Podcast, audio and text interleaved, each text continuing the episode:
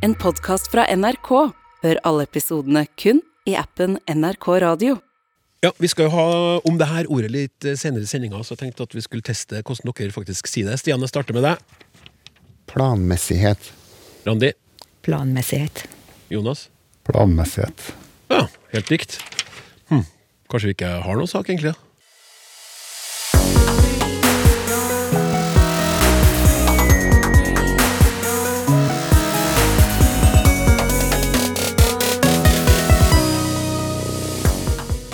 Hva er forskjellen på skall og skrell? Hvem ønsker å bli omringa av sin egen familie? Hvordan kan negative ord bli et problem? Unnskyld, en utfordring? Og det kan fort bli feil om du velger en gal person til jobben. Språksnakk med Klaus Sonstad. Herre min juledag, så mange fine spørsmål vi skal se nærmere på i løpet av dagens eh, språksnakk, kjære lytter. Det er bare å lene seg tilbake, eller fremover, alt ettersom, og nyte det som kommer. Skulle du kjenne på lysten til å spørre oss om noe mens du hører på, gjør det, gjør det, gjennomfør det! Snakk, krøllalfa, nrk.no er e-postadressa vår. Du kan også sende en SMS til 1987 med kodeord 'snakk'. Husk navn, i alle fall fornavn, eller du kan bruke et sånn uh, artig alias. Dagens ekspertpanel er på plass, like klar som tre travhester rett før start på Bjerke. Vi har med oss eh, språkforsker Stian Hårstad, ansatt ved Institutt for språk og litteratur på NTNU. Velkommen. Jo, mange takk. Stian, jeg googla, googla litt, Oi. så fant jeg at du, du har gitt ut ei bok sammen med en som heter Ivar Berg. 'Navn langs Orkla'. Navnehistorie fra Orkelsjøen til Orkedalsøren. Og vet du hva? Den har vår kjære produsent Hilde kjøpt og gitt i gave til sin mor. Var fornuftig.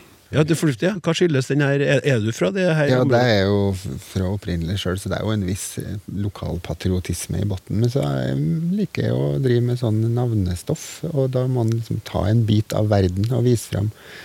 Så det er ikke helt tilfeldig at det er langs Orkla, nei, for det er jo derifra sjøl. Ja, artig.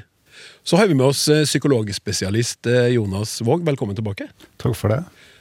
Har googla deg litt, Jonas. Ja. Og du har drevet altså, Jeg tenkte jo når du var med første gang det- Fin sånn eh, Fin radiostemme og virka ganske sånn trygg på situasjonen.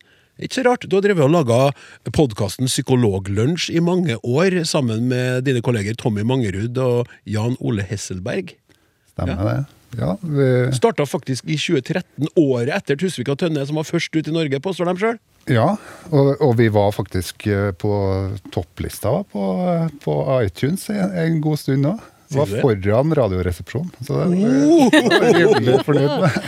Like før jeg bøyer meg i støvet her. Ja, Men eh, nei, vi, vi, vi det var egentlig tre psykologer som valgte å ta med oss lunsjpraten inn i, inn i et studio. da. Eh, og så fortsatte vi med det ja, inntil i, for et par år siden. Eh, Og så har vi da med oss eh, vår tredje ekspert, Randi Solheim, som har tilhold på Institutt for lærerutdanning på NTNU. Hjertelig velkommen til deg, Randi. Tusen takk. Du, nå skal du få høre på det her. Vi har nemlig fått inn en e-post som handler om deg. Oi. Hei! Samboer og jeg sitter og hører på fine språksnakk. Like stas hver gang. Vi lurer veldig på hvor dialekten til paneldeltaker Randi Solheim hører hjemme. Dette er jo ikke akkurat et vanlig lytterspørsmål, men håper på svar likevel. Med vennlig hilsen Ingrid Greaker Myhren. Oi. Og her er det jo tilbake, og det er jo perfekt for Ingrid, og for oss. Da kan hun jo få et ekspertsvar, iallfall. Ja. Jeg kan avsløre at jeg kommer fra ei bygd som heter Brekke, i Gulen kommune i Ytre Sogn. Der som eh, Gulatinget lå i sagatida. Oh. Men så har jeg ikke bodd der siden jeg var 16 år, da. Og det høres eh, sikkert òg. Men så har jeg jo studert sosiolingvistikk, så jeg kan jo forklare hvorfor og hvordan det blir slik, da. enn senere. Ja, jeg er imponert over at du ikke har bodd her siden du var 16 og snakker sånn som du gjør. Du har virkelig holdt, eller jobba for å holde på dialekten din. da. Knoter du mye, mener du sjøl? Nei, en kan kalle det knot, eller en kan kalle det kommunikativ kompetanse, hvis en vil. Men, men eh, jeg får av og til høre det når jeg kommer hjem, at jeg ikke snakker slik som jeg gjorde når jeg bodde der. Men eh, Sånn er det for oss Det er jo noen år siden. Ja. Tusen takk skal dere alle ha. Da tror jeg vi bare hiver oss i gang med spørsmålene. Her er en lytter som har sendt inn spørsmål til snakk.krøllalfa.nk.no som jeg liker at bruker ordet kjepphest. Da.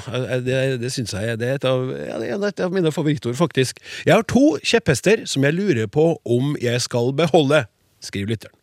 Det er valg av ord som blir hyppig brukt av både politikere, journalister og allmuen, som jeg mener er helt feil. Det første er bruken av ordet gal i setninger hvor jeg mener at man helt klart burde sagt feil. Eksempel, noen har tatt en gal beslutning, eller man har valgt en gal person til jobben. Når ordet gal blir brukt feil, hører jeg ikke resten av det som blir sagt. Hårene reiser seg på ryggen, og jeg ser for meg en gal professor. Så mitt spørsmål er om man kan bruke ordet gal helt fritt, eller kan det bli feil? Smilefjes. Det andre er vel bare en irritasjon, men jeg må alltid arrestere når noen bruker bakdel i stedet for ulempe. Er spent på, hø på å høre hva dere kan få ut av dette, med vennlig hilsen Kenneth Nilsen. Hilsen Nilsen! Og dette her går til deg, Stian. Ja, for at jeg er gal professor, det. Er det som er Nei, jeg syns du, du, du, du framstår som meget rolig og Jeg skal prøve å- beherske meg, men det er jo altså det her galskapen som ligger bak, den eh, spiller nok inn da på hvordan eh, Kenneth oppfatter det her. At det har en avgrensa definisjon som eh, sikkert mange andre er enig med en i, men hvis en ser på faktisk bruk, så er de nok mer parallelle enn det som kanskje Kenneth liker. Men hvis vi skal begynne fra børjan, da, så har altså har gal har den uh, koblinga som han Kenneth foretrekker. Altså mest sånn sinnssyk, vill, den bakgrunnen. Faktisk fra eldgammelt. Så hvis det her er hanegal, eh, det gal-ordet der, så det har noe med at du blir eh, altså trolla på. Altså du bruker da et rop eller sang.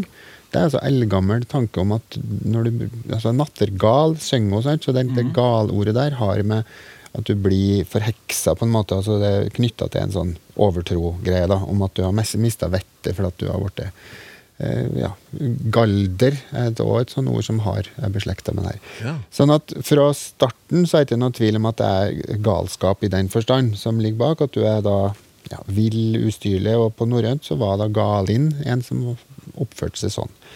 Og det har blitt til galen og gæren og gælin og alle sånne varianter rundt omkring i talemåla, og sannsynligvis brukt mest om ja, mennesker og dyr. Eh, At du er crazy på engelsk. Altså konkret oppførsel. Og så har da etter hvert den betydninga feilaktig, altså feil i mer sånn overført og abstrakt betydning kommet til. Den har nok kommet ganske tidlig.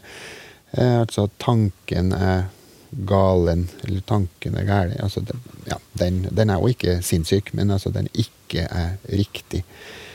Så, for å forvirre enda mer, så har flere talemål tatt inn gal. Altså ikke gælin og gæren og alt det her, men gal fra sannsynligvis skriftspråket, fra dansk. Og den har nok blitt forbeholdt det her sinnssyk, en gal person, en, gal hund.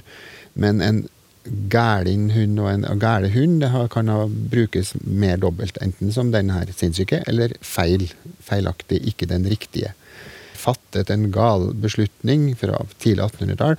Den er jo ikke en sinnssyk beslutning, men det er feil beslutning. Så det her har nok uh, Men noen kan jo synes at det er helt sinnssykt at de tok den beslutninga. Det kan du si, men jeg tror ikke det er det som ligger under Nei. den bruken. Så det har nokså lang eh, parallell bruk. Også for å hekte på feil, da, som er også litt rart, for det er egentlig ikke et adjektiv til å begynne med. Det er jo et substantiv. En feil. Sånn at feil, sjøl om vi nå bruker det som adjektiv, det oppfører ikke seg helt som andre, for det bøyes ikke. Det bøyes ikke ett feilt svar, f.eks., eller flere feile svar. Det fins i bruk, ja, i, har jeg sjekka, men i ordboka så bøyes ikke feil. Så det er egentlig et slags sånn, eh, ja, en rar type adjektiv. Eh, og det har jo en mer entydig ikke korrekt, altså uriktig betydning. Altså feilaktig betydning. Jeg må bare skynde meg å spørre, uh, for å fortsette, Stian. Jonas, du sitter jo med mennesker i samtale. Mm. Du må vel sikkert være ganske nøye på hvilke ord du bruker når det gjelder feil og gal og helt sinnssykt og sånn. Ja, jeg, jeg, jeg tenkte gjennom det når, når spørsmålet kom inn. Altså, hvor, når bruker jeg gal? Og det bruker jeg egentlig utafor terapirommet, Ja. når jeg beskriver folk som er som gjør noen ting som er utafor boksen. Ja. Eller uh, Som har uh, psykiske utfordringer. Nei, nei, jeg gjør Å, ikke det for, eh, for psykiske utfordringer. For der, der er vi veldig påpasselige med, med å Ja. bruke gal, og bruker egentlig ikke gal lenger. Det, da, da snakker vi heller om spesifikke symptomer, eller uh, altså f.eks. psykose. da. Mm -hmm. uh, men tidligere så ville man kalt psykose galskap, kanskje. Mhm. Tatt av tryllesang, eller hva, hvor, det, hvor det oppsto fra. da. Mm. At du på mange måter ikke, ikke klarer å sortere inntrykkene dine, og, og virker forse- forheksa på et eller annet vis. Det er interessant at du faktisk eh, er bevisst på det i, i terapirommet, da. Ja, ja, eh, På ordbruken. eh, Det, det handler jo litt om eh, eh, å normalisere det at alle, alle kan på mange måter havne i en sånn situasjon at man, eh, at man er på sitt mørkeste, eller, eller blir tatt av inntrykk som man ikke nødvendigvis eh, klarer helt å sortere. Det er ikke noe feil med det, liksom. Nei, Nei. det er ikke noe feil med det. Nei. Uh, ja, Ja, nei, jeg jeg tror nok mange som altså Kenneth, uh, som har denne oppfatninga, er det nok mange som støtter. Mens jeg søker sånn på den store, brede bruken i Nasjonalbiblioteket, så, så er feil svar det er brukt mer enn galt svar. Men gale opplysninger og feil opplysninger, det er brukt omtrent helt like mye. Mm. Sånn at det, de er nok ganske parallelle. Men det er én ting som er ganske avgjørende, som man er inne på eh, oppi det her for meningsskapinga, og det er om du setter inn artikkelen 'valgt én gal person' betyr noe annet enn 'valgt gal person'. Så det er den lille detaljen som kanskje betyr mer enn om du har gal eller feil. Det er altså om du har med den artikkelen. Ja, eh, sånn som i åpninga i dag, så tok jeg jo med en gal person Ja, for, å få da- det til for at du skulle få den dobbeltheten. lukter det fort mer sinnssykdom enn uh, den her feilaktigheten. Så relativt fritt distribuert, de her to. De kan brukes ganske om hverandre. Men feil bøyes altså ikke, på et merkelig vis. Og så skjer det ting hvis du putter inn denne artikkelen. Ganske drastisk også, hvis en sier at en har valgt en gal person. Ja. Takk. Eh, og Kenneth, da er det opp til deg. Du kan jo fortsette å bruke feil, eller du er, gjør ikke noe galt heller hvis du bruker gal. Eh, og så var det en, eh, en, bare en irritasjon, skriver han. Men eh, det med å arrestere når noen bruker bakdel istedenfor ulempe, der må jeg rekke opp hånda og kjenne meg igjen. Så jeg har lyst til å si til folk bare, Prøv å la være. Du gjør det, Randi. Du har det samme. Ja. Jeg har slutta med det, Ja. men jeg har hatt en periode. ja, og, og, og da, helt kort, da. Retter du på folk i terapirommet, Jonas? Kan du si det? det heter ulempe, ikke bakdels? Kan du si det? Skulle øns- ønske jeg skulle si nei, men, men det, det kan hende seg på en hyggelig måte, gjør jeg det. Ja. ja. Ja, øhm, Ja, eh, Hvis det skjer i ordboka, så er det da likestilt så- sånn formelt. Men jeg har òg den følelsen at det ene har ulempe, liksom det etablerte, og bakdel eh, ja, Det henger også sammen med bakpart. Det blir ganske sånn kroppslig. Men det, det er også en, en normert form, men den har kortere historikk, og derfor så føles det nok sikkert eh, mindre brukbar. Men sånn logisk så er det jo en helt altså som motpart til fordel og bakdel er jo helt logisk. Men det ser kanskje ut som at det starta som en spøkefull eh, altså en vits på denne eh, motsetninga. Når fordel fins, så fins det bakdel. ja. Men den vitsen den har etter hvert kanskje blekna litt, så det har blitt et mer brukbart ord. Så det har i hvert fall en del tiår på seg, det her å bruke bakdel. Og fra tysk så er det altså Nachteil er jo en helt etablert eh, ordform. Så den ser på sammensetninga, så er det liksom helt uproblematisk. Så du sier nå til oss og til lytterne at, vi, at de kan si bakdel? Ja, det kan det. Ja. Det er så mye som eh, ramler sammen eh, når man er programleder i Språksnakk. Du skal få bruke, du skal få bruke ulempe så mye du vil, men det er Ja, ja, altså, ja, men, ja. Det er jo veldig interessant eh, å tenke på at det som en gang begynte som en dårlig språkvits, har, har spredd seg og fått feste i språket til den grad at det har blitt normert og gått inn i ordboka. Og det har vi jo snakka om tidligere i Språksnakk. Hva er det som skal til for at et nyår blir normert? Ja. Og da er det jo litt morsomt å tenke på at uh, vi strør jo rundt oss med litt sånn eh, språknerdhumor av og til. Så hvis det da blir tatt opp Ja. og sprer seg, så kan det til slutt en- ende i ordboka. Ja. Og det er jo det som har skjedd her, da. Ja, og så er jo vitsen mer nå at vi driver og retter på folk som sier bakdel, og så er det faktisk eh, greit å bruke, så vitsen er på oss.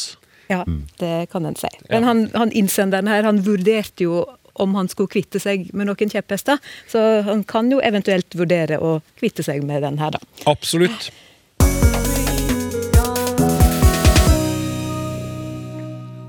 Så kommer det et lite hjertesukk fra Marit Gjelle i Bergen her. Hei, Språksnakk, takk for et supert program. Man hører stadig vekk at folk blander ordene 'omringet av' og 'omgitt av'. Eksempel han sovnet stille inn, omringet av sin nærmeste familie. Omringet av er negativt ladet, i motsetning til omgitt av, som har en mer positiv valør, skriver hun da. Randi, hva tenker du om det? Det er interessant å høre Marit si tolking. At hun opplever at den ene er negativt og den andre er positivt eh, lada. Så jeg måtte smake på det litt sjøl. Og jeg er absolutt med på resonnementet hennes, men sjøl så opplever ikke jeg eh, så stor forskjell. Um, jeg tenker mer eh, konkret på å omringe, at det da er en fysisk i en ring rundt noen. En er jo sjelden ved ei sjukeseng, f.eks., som hun hadde som eksempel. Jeg vet ikke hva de andre tenker sånn intuitivt. Altså, jeg tenker tilbake til barndommen. Da jeg, da leka indianer og cowboy, og likte veldig godt å være indianer. Ja. Ble ofte omringa, og indianerne omringa cowboyene, og cowboyene omringa indianerne. Det er kanskje ikke lov til å si verken indianere Jeg vet ikke om det er lov til å si cowboy lenger, eller, men eh, nå er nå er jeg 53 år, og dere får ha meg unnskyldt, dere som hører på, som er yngre. Men jeg husker at jeg var omringa av noe negativt. Ja, det er jo omringa meg Ja, fienden. Ja. Det var det det gikk i. Ja. Og så begynte jeg å bli veldig interessert i mm, historie, andre verdenskrig-historie, og der var det også mye det å få omringa fienden Nemlig. med, med forferdelige følger innimellom. Så for meg så ville det ikke vært naturlig å skrive 'omringet av familie'. Da ville jeg skrevet 'omgitt' som en mer sånn omsorgsaktig Det høres nok mer ut som en, et maktforhold som Mm. nettopp er noe sånn truende, ja, kanskje det som har med omringing Jeg måtte sjekke litt da, i diverse ordbøker hva som står, og det var litt interessant, fordi bokmålsordboka var det vel, så var omgiver forklart som å ligge i ring rundt. Ja. Og tilsvarende i nynorskordboka ligge omkring, og så var det spesifisert til å ringe seg omkring. Så, eh, så ringe ble brukt for å definere omgi. Og tilsvarende med å omringe, det ble definert som omgi i en ring. Så der er det jo eh, tendenser til sirkeldefinisjoner. I alle sirkeldefinisjoner! Ja. Ringdefinisjoner. Ja. Så begge ordene blir brukt for å beskrive mm, det andre, altså. Ja. Omgi blir òg forklart i sånn refleksiv bruk, som å ha omkring seg. Da snakker en gjerne om abstrakte fenomen, at en er omgitt av kjærlighet, f.eks. Det er jo fint. Eller omgitt av velvilje. Det er vi jo i språksnakk, stort sett. Det er nok mest vanlig å bruke omgi eh, enn omringe på den måten. Men så finner en òg formuleringer som at eh, alvoret hadde omringa meg, i et eh, litterært eksempel. Så da kan vi jo gå tilbake igjen til, til Marit sine opplevelser av positivt og negativt, som du òg var, var inne på. Og der står det òg inni norskordboka så står omringe omsett med kringsette. Og det er jo sånn som du hadde da når du leka cowboy og Ja. indianer, ikke sant? Kringsatt av Ja, der fiender nemlig. gå inn Og der er det jo definitivt i eh, negativ eh, tying. Men så fant jeg òg et nydelig litterært eksempel i eh, Naob fra Hamsun. Hamsuns Rosa, på at omringe òg blir brukt for å understreke gode følelser. Så, og det er så fint at jeg nesten har lyst til å lese det. Ja, det må du gjøre. Ja. Og der skriver Hamsun Jeg glemmer at jeg er nedbøyet og såret i min egen kjærlighet. Her er så godt. Her er ikke høyre eller venstre, men bare en omringelse. Så oppsummert tror jeg at vi kan si etter denne runden her at det er trygt å bruke orda om hverandre, men så er det samtidig litt fint å kjenne etter hva det betyr for oss, da. I den Ja. sammenhengen vi velger å bruke dem. Ja. Tusen takk. Jeg har en følelse av at Marit kan eh, bli fornøyd med det svaret, Randi. Språksnakk med Klaus Sonstad. Hei!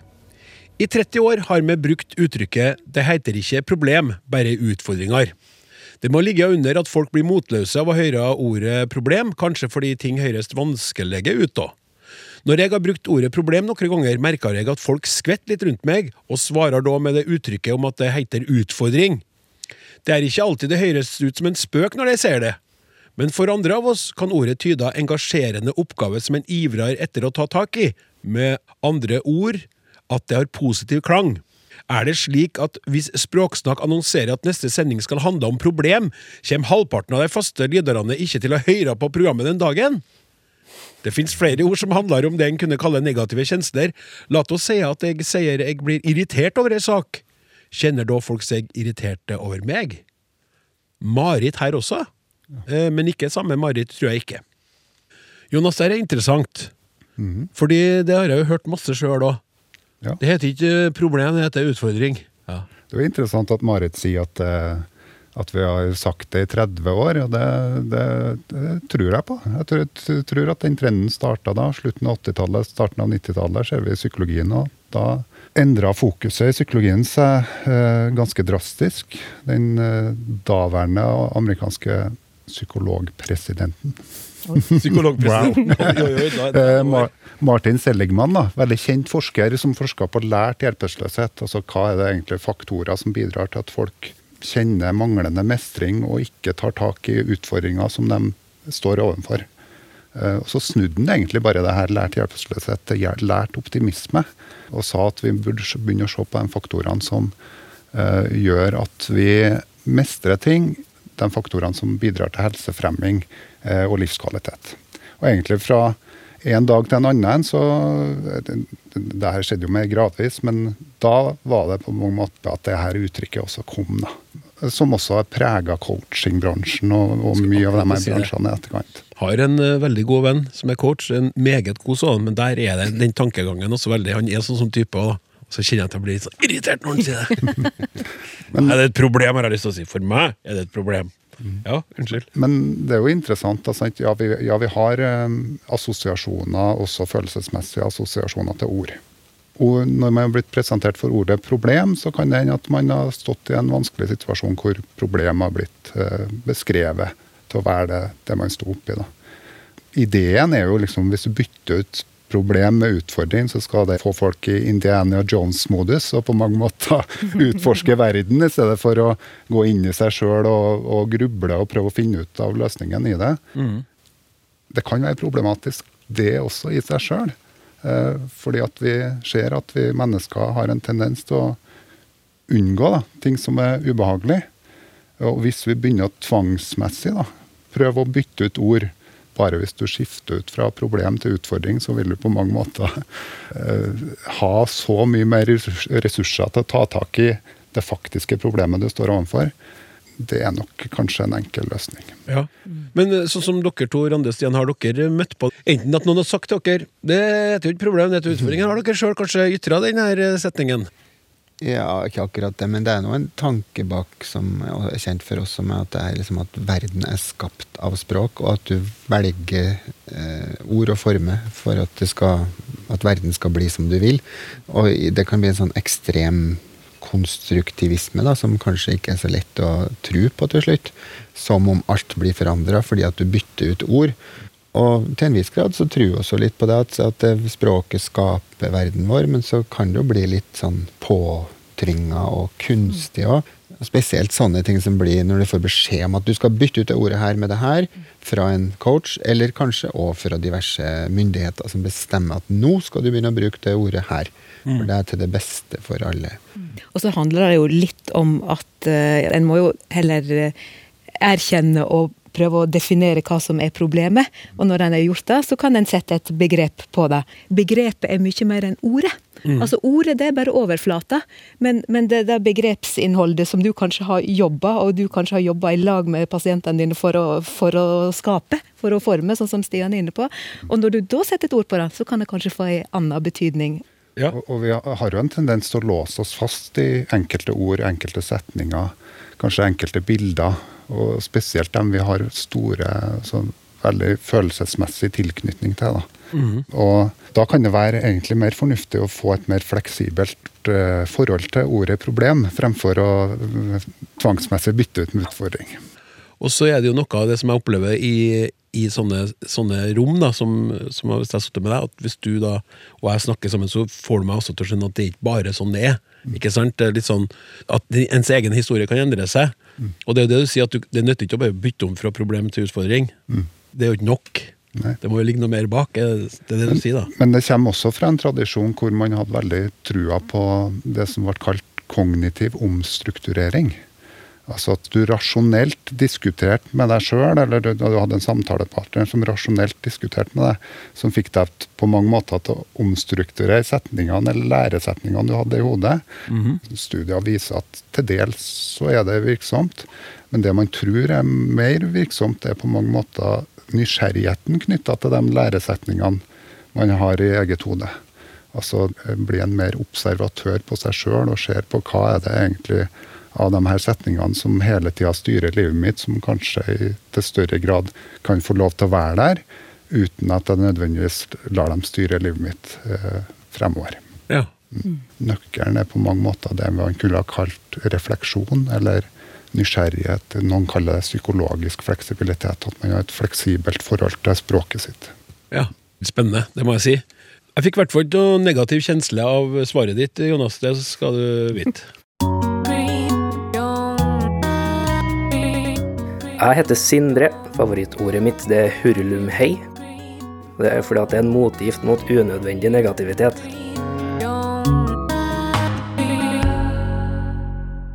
Ja, hun Marit hadde jo ett spørsmål til, faktisk. Eh, altså det med at Hvis jeg blir irritert over en sak, kjenner da folk seg irritert over meg? Det tror jeg vi må vente med til en annen gang, Jonas. Og så vi håper at da Marit ikke blir Irritert over det. ja, ja, vi får gjøre det.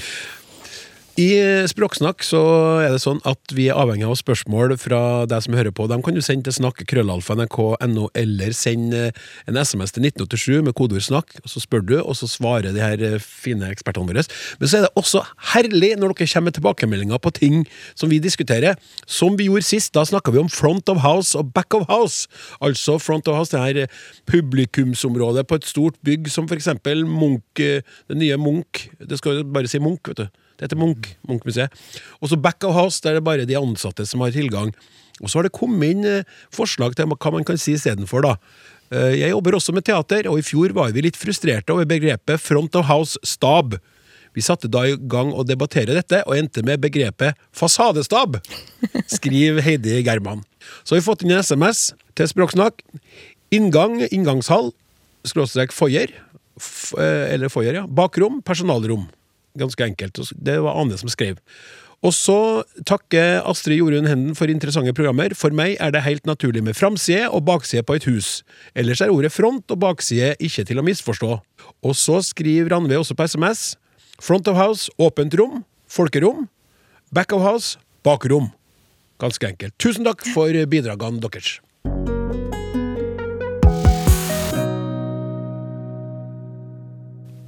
Kjære Språksnakk, jeg passer på å få med meg alt dere sier, men ikke akkurat når dere sier det. Jeg følger dere altså på podkast, for øvrig et forferdelig ord som jeg ikke skjønner noe av, og ligger nå langt bak senderskjemaet. Det betyr at det jeg har på hjertet, kanskje er tatt opp allerede uten at jeg har hørt det. Nei da. Men saken er altså at etter fortæring av juleknask var vi noen som begynte å diskutere en sak på Facebook, nemlig forskjellen på skall og skrell. Dette har revet og slitt i meg i mange år, så nå vil jeg prøve å få en god forklaring blant gode venner på sosiale medier. Jeg har helt til en oppfatning at skall sitter på frukten eller hva det måtte være snakk om, mens skrell er det som vi kaster fra oss, altså potetskall og potetskrell. Men nå, etter årets julefeiring, kommer jeg på andre tanker. Vi snakker jo om både nøtteskall og eggeskall, både når det er på plass eller fjernet fra sin opprinnelige plass, og vi vet jo at skalldyr har sin betegnelse av det harde skallet, altså at forskjellen er at skrell er mykt og skall er hardt. En av deltakerne i diskusjonen hadde lest i et offisielt språkdokument at det er min første versjon som er rett, altså det med før og etter skrelling eller avskalling. Men jeg har vanskelig for å tro det, og regner med at dere gir meg medhold i at det ene er hardt, og det andre er bløtt. Altså at det som folk slenger fra seg på fortauet, heter bananskrell. Jeg synes at det er helt greit. Hilsen Tormod Berger. Tormod! Jeg elsker e-posten din! Det er helt fantastisk. Skall og skrell enn at det kan bli til en kortnovelle, rett og slett. Stian, herlig. Ja, ja, nei, det er jo artig hvordan vil at språket skal være ryddig og ordentlig, da. Men eh, jeg har òg sjekka litt, og det er vel ikke så ryddig og ordentlig. Og en del eh, har nok en annen intuisjon enn Tormod her.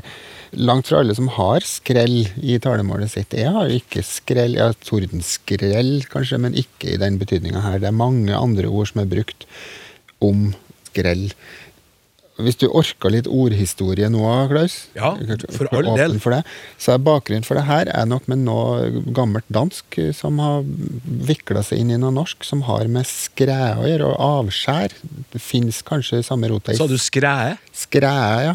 Skræe. Altså avskjær, samme ordet som i skredder. Altså det har noe med noe du tar bort, Ja. som ligger bak, sannsynligvis. Og så har det blitt vikla inn i noe, så ble det skrell. Og, det, og skrelle og skrell. Og skrell er kanskje det ryddigst fordi at det handler om resultatet, som han er inne på. Det som er tatt av, det blir skrell. Altså resultatet av renskinga, eller hva man kaller det. Og det er nok i hovedsak mjukt, akkurat som Tormod har jeg oppfatning av. Så her er det liksom ryddig nok, da. Jeg klarer ikke å finne så gode eksempel på at skrell er noe er hardt. Rekeskrell er vel det hardeste jeg klarer å finne. Men nøtteskrell f.eks. ikke brukt, og eggeskrell det er ytterst sjelden. Ja, det er altså sluttproduktet, og det er stort sett mjukt. Og så skreller vi jo. Verbet er også sånn, Ja. det viser prosessen, og det som er da slutten på prosessen, er skrell. Skrell er ikke på. Helt enig med Tormod i så måte. Skal derimot ikke så ryddig som en skulle ønske seg. For der er det altså brukt mye mer til begge deler. Både når det er på, og når det er av. Og det er harde ting, og det er mjuke ting. Og Bokmålsordboka skriver at det er et hylster av varierende tykkelse og hardhet omkring f.eks. bløtdyr, egg eller frukt. Så det er altså et stort bruksområde. Og hardheten er meget varierende. Det er fra muslingskall, som er ganske hardt, til kanskje drueskall, som ikke er spesielt hardt. Sier man muslingskall? Det fins i bruk, ja. Sier jo det, ja. ja. Folk er rar. Elektronskall fins, og det aner ikke hvor hardt eller mjukt det er, da, for så vidt. Men det er nok et mye mer eh, varierende bruksområde, og dermed så er det ikke så ryddig som skrell. Og altså skal bli brukt både før og etter rensinga. Og det, så prikker på potetskallet må kanskje være der òg på forhånd, før skrellinga skjer. Så hvis jeg søker her også da, på den store tekstmengden som finnes i Nasjonalbiblioteket, så ser det ut som at det er litt sånn ordavhengig, sånn at bananskall, altså når det har blitt renska av, det er massivt i flertall. Bananskrell fins knapt brukt. For sjøl om Tormod ønsker seg å kunne kalle det, det skal han få lov til, å kalle det en bananskrell, men der vil folk skrive bananskall. Det er ingen i en eneste vits jeg noen gang har hørt som har sklidd på et bananskrell. Nei, det var akkurat det, for det er mange vitser som handler om bananskall. Det var mye søk der. Men det er motsatt med potet. Potetskrell det er massivt i flertall, mens potetskall det fins brukt, men mye mindre. Men eh, moralen er dessverre ikke så ryddig som en kunne ønske seg. Men skrell er stort sett mjukt, og det er sluttproduktet, altså etter renskinga. Skall, det kan være så mangt. Og det er hardt, og det er mjukt. Og det er på, og det er av. Tusen takk skal du ha, Stian. Fikk jeg veldig lyst på appelsin. Ikke potet? Fikk lyst til å skrelle meg i appelsin. Jeg gleder meg til påske. Nok om det! Hei, jeg heter Ellen, eh, og favorittordet mitt det er mussusmærstekkels. Eh, Det er noe du et til klubb, eh, som brunostsaus, og det er bare et veldig artig ord, og så er det jo godt i tillegg. Hei, Abelstårn og Språksnakk. Oi! Jeg vet ikke hva program, i hva program dette spørsmålet hører hjemme, eller om temaet er vel debattert før. De må nå bare ignorere hvis det ikke passer. Passer veldig godt. Vi tar det. Tar det fra Abels. Leseteknikker. Hvordan leser folk tekst? Blir det gjort på flere måter?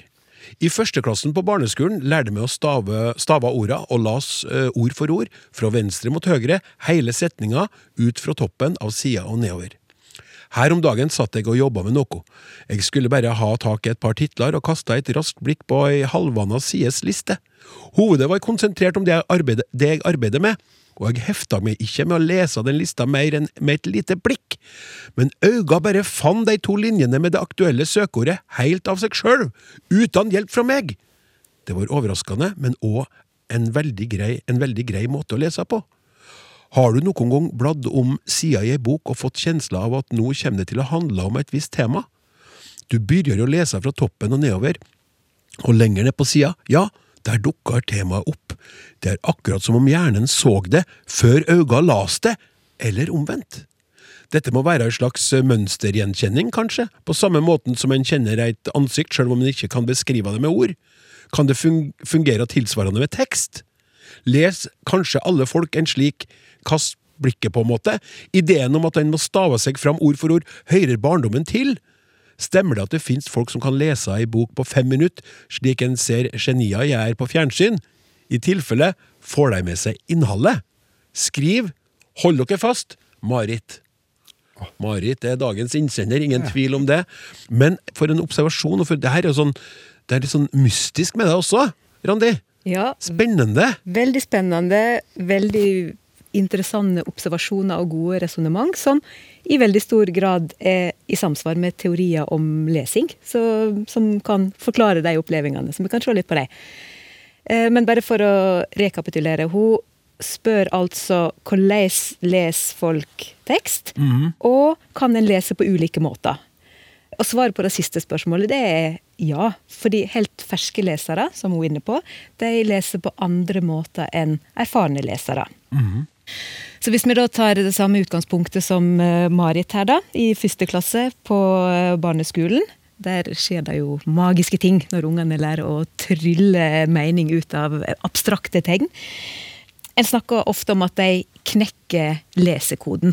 Eh, og det innebærer at de forstår at de kan omsette bokstaver til lyder og ord. Og slik skaper de da mening ut av tekstene. Men dette her er jo en veldig kompleks, og det er en møysommelig prosess før en har automatisert den. Begynnerleserne, da, de avkoder skrift eller bokstaver, bokstavsekvenser, lyd for lyd. Vi sier gjerne at de lyderer. Og så trekker de disse her i hop til, til ord. Og så er det jo det er vanskelig, for da må de huske på det ordet her. Og så må de se det i lys av de forrige ordene de las, og så må de se det i lys av de ordene som kommer etterpå.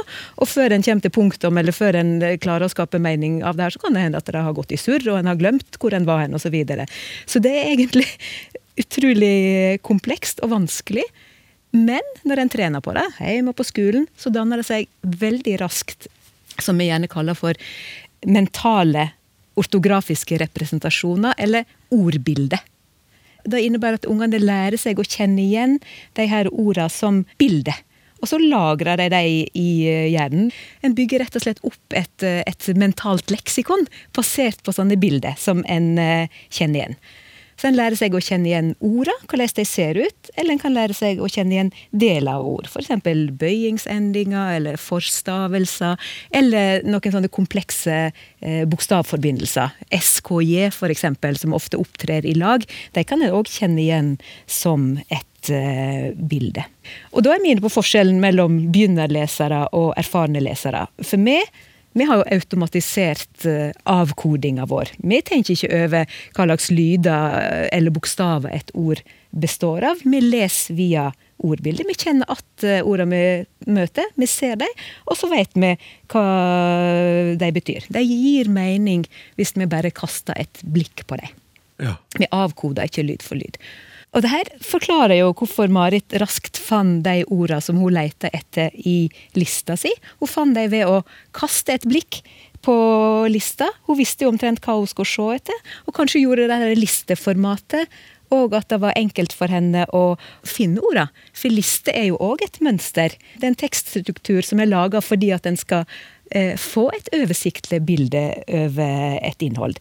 Så det gjør det lettere å orientere seg. Kan det være Ja. Mm. Du har laga ordbilder, og så når de står sammen, så du ser, du ser det for deg i hodet. så er Derfor merker du på teksten. Mm. Mens et, eh, et, en sammensetning som ikke er like kjent, for det vil jo også være Eller du Ja. leter, da. Punkt ni, der var det. Ja, ja nemlig, nemlig. Men så er det jo interessant, da, bare for å, for å illustrere det der. Altså, hva skjer når vi som erfarne lesere møter lange, ukjente, vanskelige ord i en tekst vi leser? Hvordan reagerer du da? Nei, da må jeg jo stoppe opp og jobber med saken. Ja, Og hvordan jobber du med saken? Jeg leser ordene, eh, leser dem som Jeg leser bokstavene og setter sammen et et ord. Ja, Så da går du tilbake igjen til helt på å si barndommens lesestrategi. Ja. Det det er akkurat det samme som skjer når ungene leser. Altså, det, er, det er et ord som er nytt for deg og for deg i en, en gitt kontekst. Da må en gå tilbake igjen Mm. Bokstav for og, bokstav, men. og lese ja, bokstav for bokstav. Ja. Eller kanskje ledd for ledd. Kanskje, igjen, kanskje det er et sammensett ord, så du kan kjenne igjen de ulike ledda. Eller kanskje ser du at det starter med U, og så vet du hva det betyr, og så har det den og den bøyingsendinga. Så du kjenner igjen eh, små eller litt større biter av ordet, og så setter du dem i hop. Og så kanskje neste gang du møter henne, så har du danna deg ordbilde av det allerede. For det der skjer veldig fort, og Ja. iallfall blant små unger. Det er helt imponerende hvor fort de bygger et sånt eh, leksikon av mentale representasjoner. Men hva med det her temaet Randi, som hun skriver om eh, Ja, det er en sånn intuisjon som hun beskriver, en sånn leseoppleving. Ja. Og det, det kan godt ha med handlinga å gjøre. At handlinga liksom strammer seg til, at hun skjønner hvor det går hen, eller at det kanskje er noen sånne kjente fortellingsstrukturer som hun, hun registrerer at denne her eh, historien, hvis det er det føler. Men det kan òg være en kombinasjon av det og at hun kanskje har kasta et blikk, da, tilfeldigvis på sida etter, og raskt kjent igjen et ordbilde nesten uten at hun har, eh, Ja. har registrert det. Ja. Og så gir det, det resonnementet henne en retning. Ja. For det går så fort å kjenne igjen eh, de orda. sånn når du skal da Jonas, hjelpe mennesker eh, ut av en situasjon, eller er det noe med at vi også i et samtalerom kan lære oss sånn psykologisk bilde av ting, følelsene våre, sånn at vi får satt, satt ord på dem, og lærer dem å kjenne, så kan vi liksom hente dem fram og forstå dem litt på samme måte? At vi får et sånt slags kartotek? Eh, For en klient da, som møter opp på terapirommet, så er veldig mye av eh, det som skjer i det daglige, automatisert. Og gjerne også hvis man havner i en, eh, i en depresjon, eller hvis man har en angsttilstand, så, så vil man ha et reaksjonsmønster som man på mange måter tar for gitt.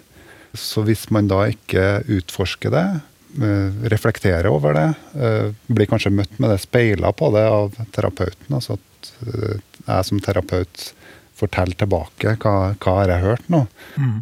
så, så vil ting repetere seg, fordi at man i stor grad har lært seg noen måter å håndtere verden på som, som man har automatisert og tatt for gitt i den tilstanden man er i. da. Ja.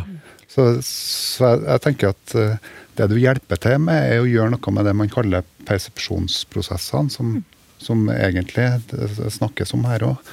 Og så handler det i større grad å begynne å ta inn de inntrykkene som kan være relevant for oss. Hun snakka jo om eh, mønstergjenkjenning, Ja, Marit her. ja. Og det er jo relevant på flere nivå, både for å kjenne igjen orda, for å kjenne igjen handlinga, og på å kjenne igjen, sånn som du beskriver, Jonas, sine egne handlingsmønster, som gjerne gjentar seg. Så det bevissthet om de her mønstra er jo en fin måte å, å navigere i eh, samfunnet på, rett og slett. Ja. Men så har du òg et siste spørsmål som er litt interessant, eh, Marit. For det handler jo òg om, om disse her kognitive prosessene. Og det, Hun spør eh, er det mulig å lese ei bok på noen eh, få minutter. Får en virkelig med seg innholdet? Da spør hun.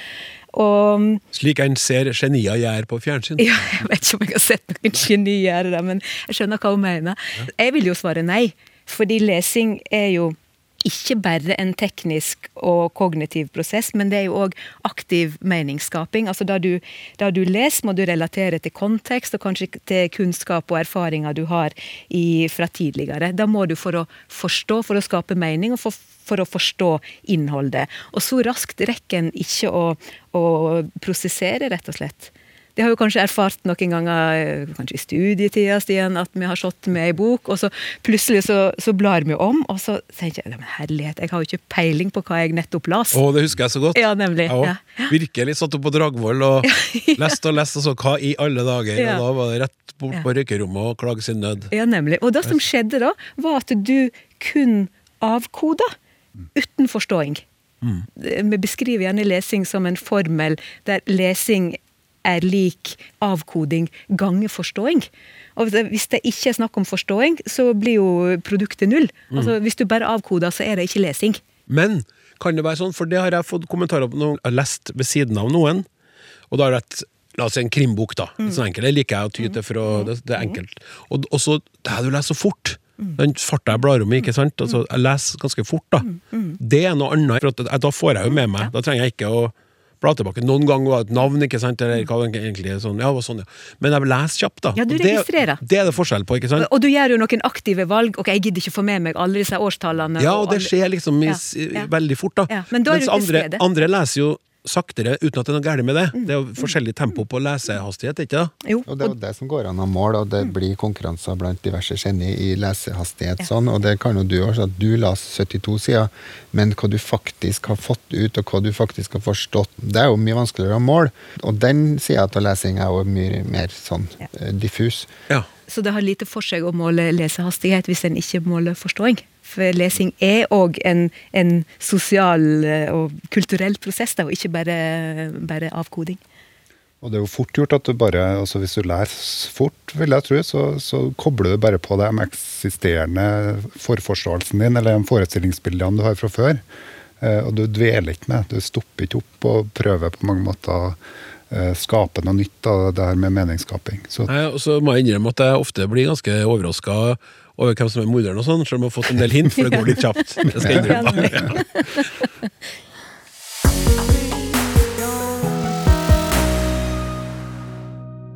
Du hører på Språksnakk, og dagens panel består av språkforsker Stian Hårstad, språkforsker Randi Solheim og psykologspesialist Jonas Våg. Vi har tid til et spørsmål til, mine herrer og damer. Så vi går rett på det. Hei! Språk er spennende, og jeg lytter med stor interesse på programmet Språksnakk. Jeg har et helt yrkesliv undervist lærerstudenter, de som skal ut i barnehager og skoler for å bidra til at barn og unge finner sine veier og plass i en stadig mer krevende hverdag. Mange av dem er redde for å gå utenfor det de kaller for sin komfortsone, mens jeg viser dem at det, nettopp, det nettopp er utenfor komfortsonen at utvikling og læring skjer. Når noe står på spill, som i leken der skrekkblandet fryd ofte er drivkraften. Hvordan kan studenten utfordre seg selv ved hjelp av å arbeide med sin fantasi og kreativitet? Ja, for fantasi og kreativitet er ikke egenskaper man har, men ferdigheter man utvikler gjennom handling. Spørsmål. Hvorfor er det så mange som sier det er bare fantasien som setter grenser? Eller det er bare kreativiteten som setter grenser? Det er vel nettopp mangel på fantasi eller kreativitet som setter grenser. Det kan i alle fall ikke være fantasien i seg selv som setter grenser. Kan det være bedre å si det er du selv som setter grenser for din fantasi eller kreativitet? Eller rett og slett det er bare mangel på fantasi som setter grenser. Hva tenker Språksnakk om dette? Vennlig hilsen Tone Stangeland. Ja, det syns jeg var et fantasifullt eh, innlegg. Ja, det var Jonas? det. Ja, det var et fantasifullt spørsmål, kan jeg si. Men eh, jeg dveler litt med det Tone snakka om, at her eh, fantasi er ferdigheter og er, fremfor egenskaper. Altså ferdigheter som du trener fremfor egenskaper. Eh, Og her vil jeg nok, altså, det, det som er litt interessant med det, er at eh, i personlighetspsykologien da, så har man et trekk i femfaktormodellen. Altså Hvis man har hørt 'Sånn er du' med Harald Lea, så snakker man om noe som heter åpenhet for nye erfaringer. Uh, og det her personlighetstrekket ser man uh, har nær tilknytning til fantasi. da. Så noen hevder på mange måter at ja, det, det er også egenskaper, som Tone sier at det ikke er. Eh, men siden dette er et språkprogram, så er det litt interessant å dvele litt med det. Fordi at eh, når du fyller ut en personlighetstest, eh, så svarer du på om hvorvidt du kjenner deg igjen i enkelte adjektiver. Eh, og de her adjektivene har du jo gjennom et liv eh, gjort deg opp noen formeninger eller eh, relasjoner til. Da. Eh, noen kjenner jeg bedre igjen enn andre. Eh, og det er jo litt avhengig av hvilken type miljø du har vært en del av, hva du har gjort, og hvilke type ferdigheter har du på mange måter fått tilbakemelding på eh, som, som preger deg i måten du kjenner igjen i enkelte adjektiver og enkelte ikke.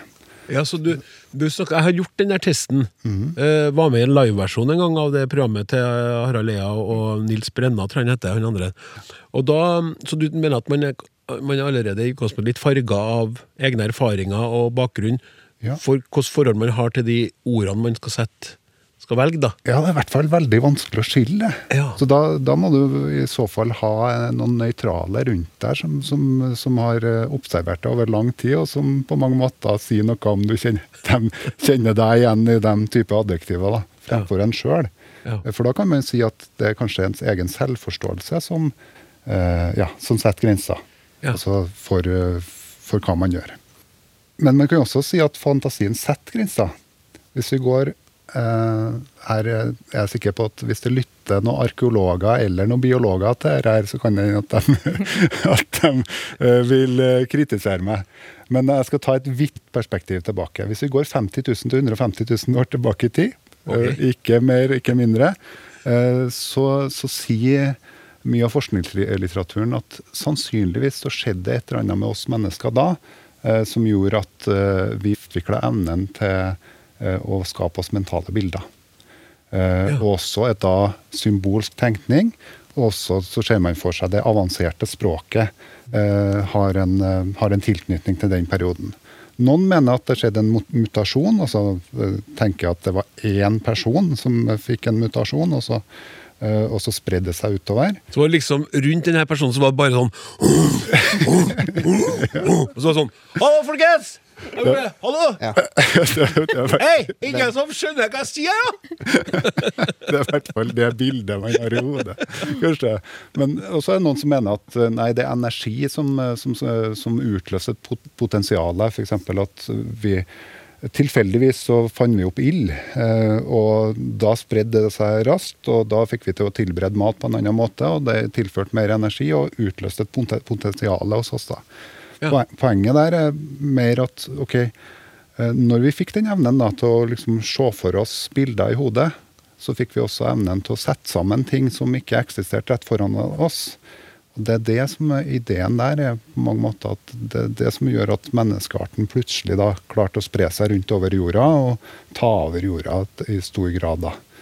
Eh, Men det har en voldsom bakdel. Altså Det ene er at det her har ført oss til månen. sant? Ja. En var sprø nok til å tenke at vi kom oss til månen, og så kom vi oss til månen. Bakdelen med det ja, pun intended. eh, er at man også kan skape seg bilder i hodet at man er i en fastlåst situasjon, eller at mennesker er ute etter en, eller at eh, det eksisterer ting i verden som andre ikke ser, eh, som gjør at eh, min forståelse av verden Vi kunne ha kalt det fantasifull, men er såpass sammensatt på en sånn måte og truende på en sånn måte at jeg velger å isolere meg. Så da kan man jo si at fantasien setter grenser.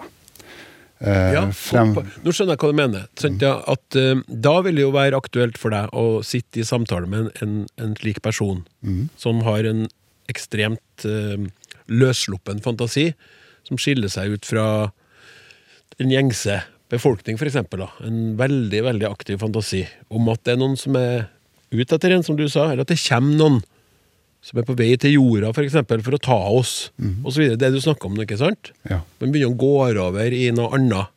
Fantasien løper løpsk. Ja. Ja. Så, men jeg liker jeg, jeg tror Tone eh, er innpå mer det her med å stimulere til eh, aktivitet. Bidra til å stimulere fantasien. Og Det er noe annet altså, når man gjør det som en aktivitet eller som en ferdighet, fremfor at fantasien er låser seg. Eh, låse seg et bilde. Det, det er det som er eh, interessant. Ja, for jeg syns det er fint å snakke om å eh, overskride eller flytte grenser framfor å sette grenser, sånn som hun egentlig gjør i spørsmålet sitt. Og det handler jo òg om læring, om hvordan en lærer.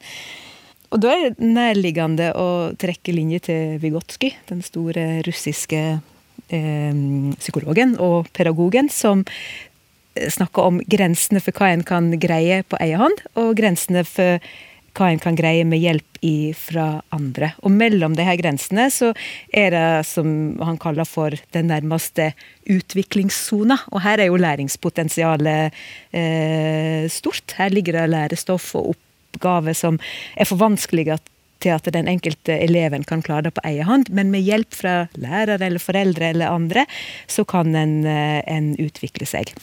Og denne sona er dynamisk, og det er jo et mål med opplæringa at en skal støtte elevene til å klare stadig mer alene, altså flytte grenser. Og når en jobber i denne utviklingssona, sånn som gode lærere gjør, så tenker jeg at det nettopp det å stimulere fantasi og kreativitet er jo helt eh, essensielt. For det hjelper deg til å utforske og, og tenke sjøl. Eh, og det det her utforskingsbegrepet er jo helt sentralt i eh, skoleverket og i læreplanene. Men det er interessant, for du, du er jo inni det feltet der, ikke sant? Mm. Jeg bare lurer på, for nå har jeg jo min, min tredje inn i skolesystemet, altså barneskolesystemet. Kan det være sånn at eh, det er bare skolen som setter grenser for fantasien? Jeg tror at Innimellom? skolen òg skal bidra til å flytte grenser. Ok, ja. Jeg mener at det går an å koble det her til en språkfilosofisk tanke, hvis jeg skal takle det til slutt. Om det går an å tenke uten språk. Altså går det an å forestille seg, går det an å fantasere uten at du har de orda du trenger for å forestille deg noe. Det er jo en sånn eh, lang diskusjon som en egentlig aldri kommer til å få svar på, for at språket er jo der. Så da må en egentlig tilbake til en tilstand der det ikke fantes språk. Klart dem å forestille seg ting, klart dem å tenke nytt hvis de ikke har språk. Men det er jo noe med at det, det er umulig å skille liksom, det mentale ja, Det er jo det der nøtta ligger. Om det går an å forestille seg noe noen ingen ikke har tenkt om hvis du ikke har ord og sett på det. Så språkutvikling er jo en essensiell del oppi det her når det gjelder læring, naturligvis òg, for det er da du ja, kan ta inn andre sine opplevelser og ja, utvikla, da, eller fjerne den grensa som har begrensa det. Og, vi mm. klarer jo å tenke oss ting som ikke fins. Tenke på ting. Bruker du språk da? Tenker du på norsk? Drømmer du på norsk? Eller kan du forestille ting uten at det er et språk til stede? Og det er vel noe som man ikke klarer å få svar på, men det er ganske interessant hvordan det der eh, språkligheten den henger så tett sammen med det her å kunne forestille seg noe nytt òg. Nå må du bare slutte med å sitere Wittgenstein, Stian. Ja, beklager. Ja, Han ligger liksom i lufta! han har tenkt mye på det her. Han er en språkfilosof som, eh, ja, som har drodla mye om sånne ting som er Det er litt hypotetisk, da, for du, du kan jo vanskelig tenke deg et, et eh, normalt menneske som ikke har et språk. For det er jo liksom det å, å bli utvikla som menneske er jo å lære seg språklige ferdigheter. Og, eh, Ja, men også Hvis vi drar det fra normale mennesker nå, er bare til dem som er litt utafor normalen. da. Du må jo da, Det du snakka om i sted, Jonas, det var at du noen gang må avfantasere noen litt for å få dem tilbake litt ned på bakken. ikke sant? Ja, Hvis et menneske er veldig fantasifullt, og det begynner å sette begrensninger for vedkommende Ja. Det er ikke helt avfantasere. Det er på mange måter å klare å, klare å koble seg av fantasien litt. Eller klare, klare å se seg sjøl litt utafra. Man kan like godt ha eh, mange eh, merkelige tanker i hodet, men så lenge de her merkelige tankene i hodet får lov til å være der uten at man tar dem for god fisk, så er, så, så er det helt greit at de er der. Ja. Ok, det var det vi rakk i denne episoden av eh, Språksnakk. Takk til våre tre eksperter. Tekniker var Martin Våge. Produsent Hilde Håbjørg. Jeg heter Klaus Sonstad. Vi snakkes!